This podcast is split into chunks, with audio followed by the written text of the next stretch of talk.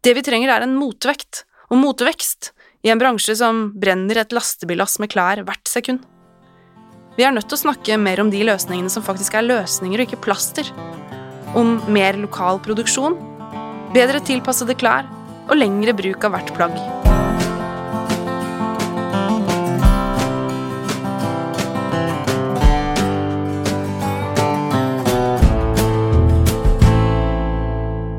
Denne kronikken står på trykk i Ren mat nummer 42.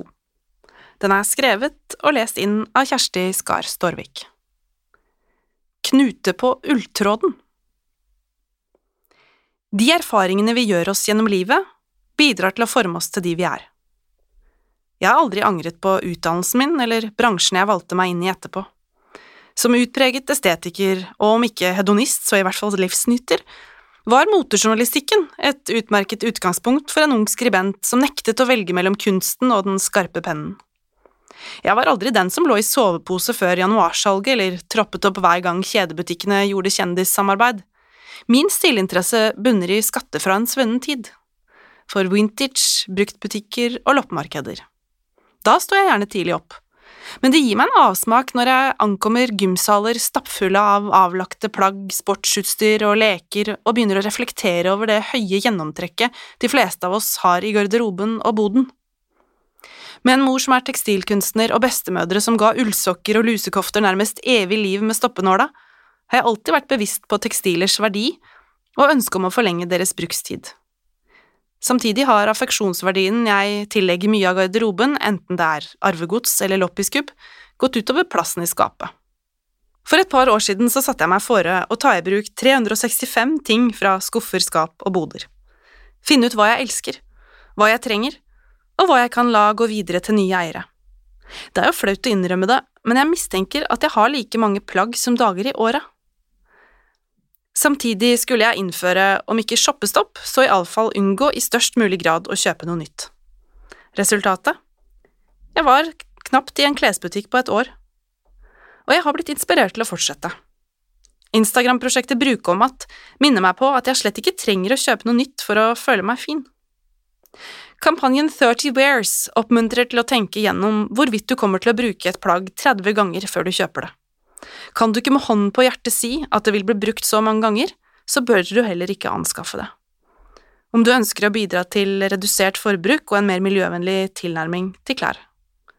Gjenbruk er unektelig bedre enn gjenvinning. Det resirkulerte produktet vil aldri kunne oppnå like høy kvalitet som det opprinnelige, og enda viktigere, gjenvinning legger ikke opp til en reduksjon i forbruket, kanskje tvert imot. Tone Skårdal Tobiasson og Ingunn Grimstad Klepp er blant få som anerkjenner elefanten i rommet. Er grønn vekst egentlig mulig? Den virkelig grønne veksten er egentlig degrowth, nedvekst og reduksjon i forbruk. Hvordan det teknologioptimistiske begrepet grønn vekst ble omfavnet også av deler av miljøbevegelsen, har sitt utspring i at en utover på 90-tallet valgte å dedikere innsatsen og oppmerksomheten sin mot klimaspørsmålet. Dette gjorde problemet mer konkret, samtidig som løsningene ble mer attraktive også for næringslivet. I motsetning til tidligere naturkriser hvor rovdrift på naturen rettet pekefingeren mot industriene, ble nå teknologien den nye gralen. Mindre moralisme, mer karbonfangst, solcellepaneler, elbiler og blå og grønne poser. Istedenfor å slutte å kjøre bil, kan vi kjøpe en Tesla. Og istedenfor å kjøpe færre ting, kan vi velge plagg laget av bambusviskose eller resirkulert polyester. Misforstå meg rett, det er positivt at en stadig større del av næringslivet forsøker å gjøre en innsats for klimaet. Det er også mye bedre å ta små, grønne steg i hverdagen enn å ikke gjøre noe i det hele tatt. Problemet er at dette baner vei for grønnvasking. For det er mye penger i å legge prefikset grønn foran produktene og tjenestene man tilbyr, selv om de ikke er forenlige med et grønt skifte. Tekstilindustrien er verdens nest mest forurensende bransje etter oljebransjen. Klesbransjen står for mellom 8 og 10 prosent av verdens karbonutslipp, mer enn alle internasjonale flygninger og skipsfart til sammen. Massemote og miljøvennlig er gjensidig utelukkende kategorier. Det hjelper så deprimerende lite at billigkjedene tilbyr bevisste kolleksjoner i begrenset opplag, når 95% av det de selger, er laget for å følge en kortlivet trend og brukes fem ganger. For ikke å snakke om mikroplasten som skilles ut og ender i havet. det enorme vannforbruket industrien krever, kjemikaliene som brukes i innfargingen av tekstilene, og de begredelige arbeidsforholdene på tekstilfabrikkene i Asia.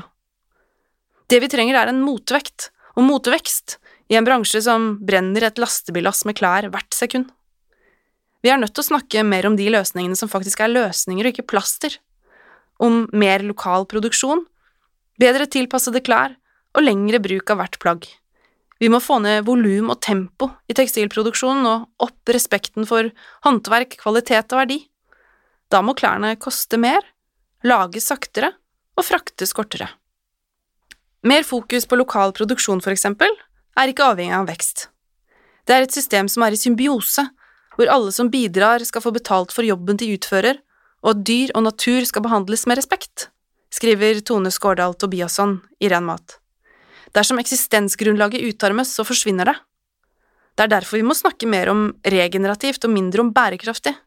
Det siste handler om å opprettholde status quo, mens det første handler om forbedring. Det er positivt at det nå tas til orde for nye merkeordninger for tekstilers fotavtrykk. Men EUs mye omtalte miljømerking Product Environmental Footprint, eller PEF, kan ende opp med å gi rødt lys for den biologisk nedbrytbare ulla og grønt for oljebasert polyester, særlig om plagget er laget av resirkulerte plastflasker.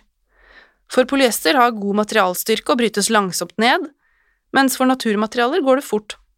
Da sier EU at plastplagget varer lenger, men det henger jo ikke på grep.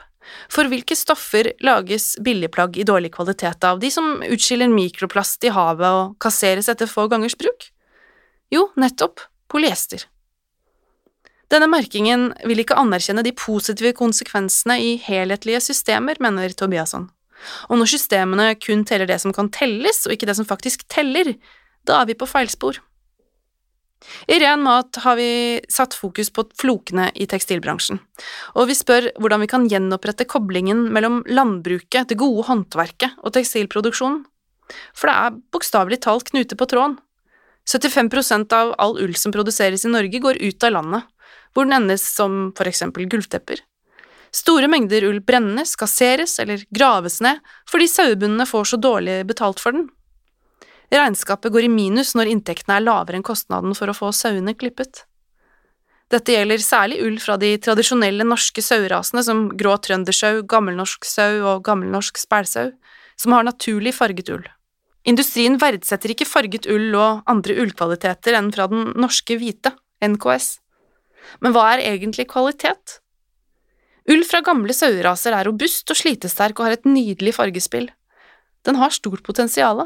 Det har også geiteull, og heldigvis ser vi spennende initiativer fra aktører som ikke vil la ulla gå til spille, men til spinne. I Ren mat så ønsker vi å anerkjenne tekstiler som viktige landbruksprodukter og gi honnør til aktører som ønsker å satse på dem, enten det er ved å utnytte ull fra egne sauer eller ved å vaske, spinne, veve eller sy med den. Den nye økologiforskriften åpner også for nye muligheter ved at den innbefatter blant annet skinn og ull. Dette kan bety at innsamling og foredling av norsk økologisk ull får fornya interesse.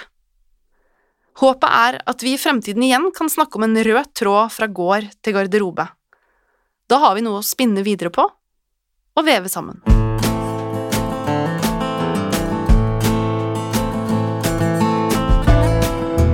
Du likte det du hørte, kan du gjerne gå inn på renmat.no og bli abonnent på papirmagasinet Renmat.